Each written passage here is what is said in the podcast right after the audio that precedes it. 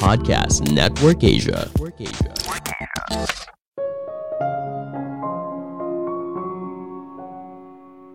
Olahraga bukan hanya membuat hidupmu lebih bahagia, tapi juga bisa melindungi otakmu dari penyakit yang tidak bisa disembuhkan. Halo semuanya, nama saya Michael. Selamat datang di podcast saya, Sikutu Buku.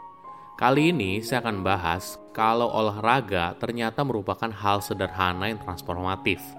Selain mampu meningkatkan mood dan energi, Olahraga juga bisa membantu memperkuat otak dari kemungkinan penyakit neurogeneratif seperti Alzheimer.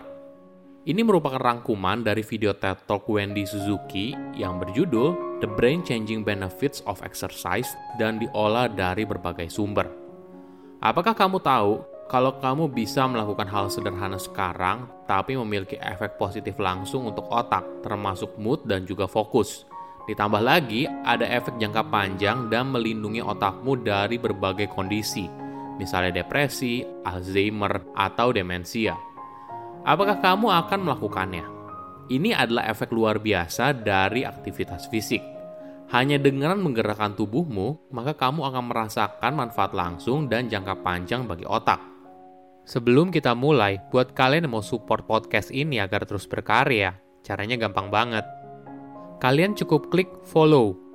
Dukungan kalian membantu banget supaya kita bisa rutin posting dan bersama-sama belajar di podcast ini.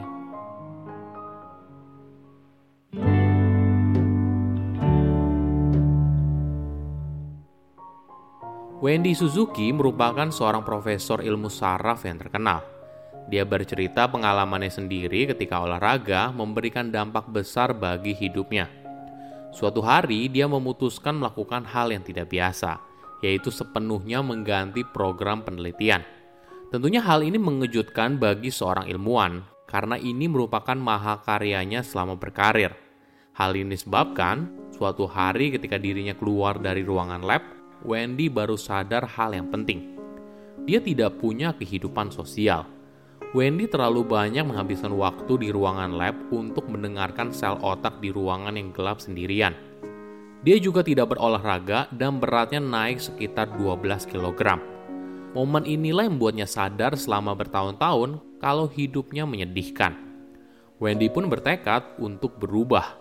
Dia pergi untuk melakukan arung jeram dan setelah pulang, dia baru sadar kalau dia merupakan orang yang paling lemah di sana. Dia pun berkomitmen lain kali ketika Arung jeram, dia tidak ingin menjadi orang yang paling lemah. Itulah yang membuatnya pergi ke tempat gym.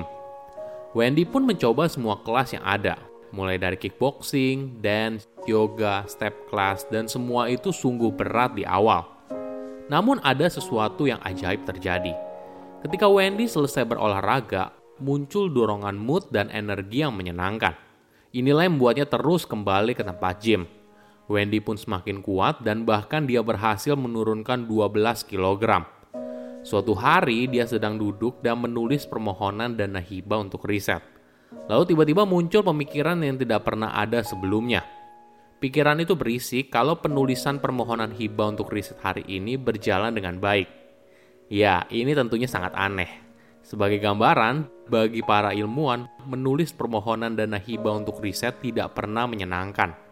Karena hal ini sulit dan kamu harus berusaha memeras otak untuk mencari sebuah ide yang bisa memenangkan dana hibah tersebut. Namun di momen itu Wendy sadar, dia menikmati aktivitas menulis permohonan dana hibah karena dia bisa fokus dan menjaga perhatiannya lebih lama dari biasanya. Kejadian ini lalu membuatnya berpikir, apakah olahraga yang dilakukan selama ini mengubah cara otaknya bekerja? Wendy pun lalu berusaha mencari literatur yang ada dan menemukan fakta yang menarik. Olahraga memberikan dampak positif bagi otak, dan ini juga yang dia rasakan. Moodnya lebih baik, punya energi lebih, memorinya lebih kuat, dan jangka waktu perhatiannya lebih panjang.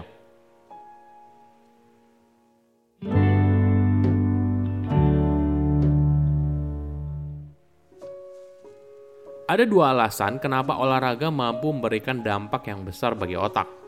Pertama, olahraga memberikan dampak langsung pada otak. Dari hanya satu kali olahraga, maka mood kamu bisa meningkat secara signifikan. Fokus dan perhatian kamu juga membaik. Bahkan fokus kamu bisa bertahan setidaknya 2 jam. Studi juga menunjukkan olahraga mampu meningkatkan waktu reaksi sehingga reaksi kita bisa lebih cepat. Tentunya ini penting kan? Kedua, meningkatkan kemampuan memori manusia. Ada dua bagian otak yang perlu kita pahami. Pertama adalah prefrontal cortex, berada tepat di belakang jidatmu dan berfungsi untuk melakukan berbagai hal penting seperti mengambil keputusan, fokus, atau membentuk kepribadian. Sedangkan bagian otak kita yang lain bernama hipokampus. Ini adalah bagian kecil di otak yang berperan penting dalam mengingat informasi baru dan menghubungkan emosi ke dalam ingatan tersebut. Bayangkan sebuah peristiwa yang berlangsung hanya beberapa saat, misalnya ciuman pertama, momen ketika kamu lulus sekolah, dan sebagainya. Semua hal itu bisa membentuk sebuah memori yang mengubah otakmu dan bertahan selamanya. Nah, kita harus juga membayangkan otak kita itu seperti otot Semakin sering kamu menggunakan bagian otak, yaitu prefrontal cortex dan hipokampus, maka bagian tersebut akan semakin besar dan kuat. Kenapa hal ini penting? Karena bagian ini paling rentan mengalami penyakit neurodegeneratif. Tentunya kamu tidak bisa menyembuhkan Alzheimer atau demensia. Tapi karena bagian otakmu semakin kuat, maka akan butuh waktu yang lebih lama bagi penyakit itu untuk benar-benar memberikan efek kepada tubuh. Oke, mungkin kamu sekarang tertarik. Tapi memulai olahraga mungkin sulit bagi kebanyakan orang. Entah merasa tidak punya waktu atau tidak punya energi untuk memulai. Tapi apakah ada angka minimum dalam olahraga untuk bisa mendapatkan semua manfaat itu? Kabar baiknya, kamu tidak perlu olahraga berat seperti seorang atlet. Aturan dasarnya, kamu hanya perlu olahraga 3 hingga 4 kali seminggu dengan minimal per sesi adalah 30 menit. Poin lain yang penting adalah kamu harus meningkatkan irama jantungmu. Tidak perlu olahraga berat, kamu bisa memulai dengan jalan, naik tangga, atau kalau kamu ingin ikut kelas, kamu bisa ikut kelas kardio dan sebagainya.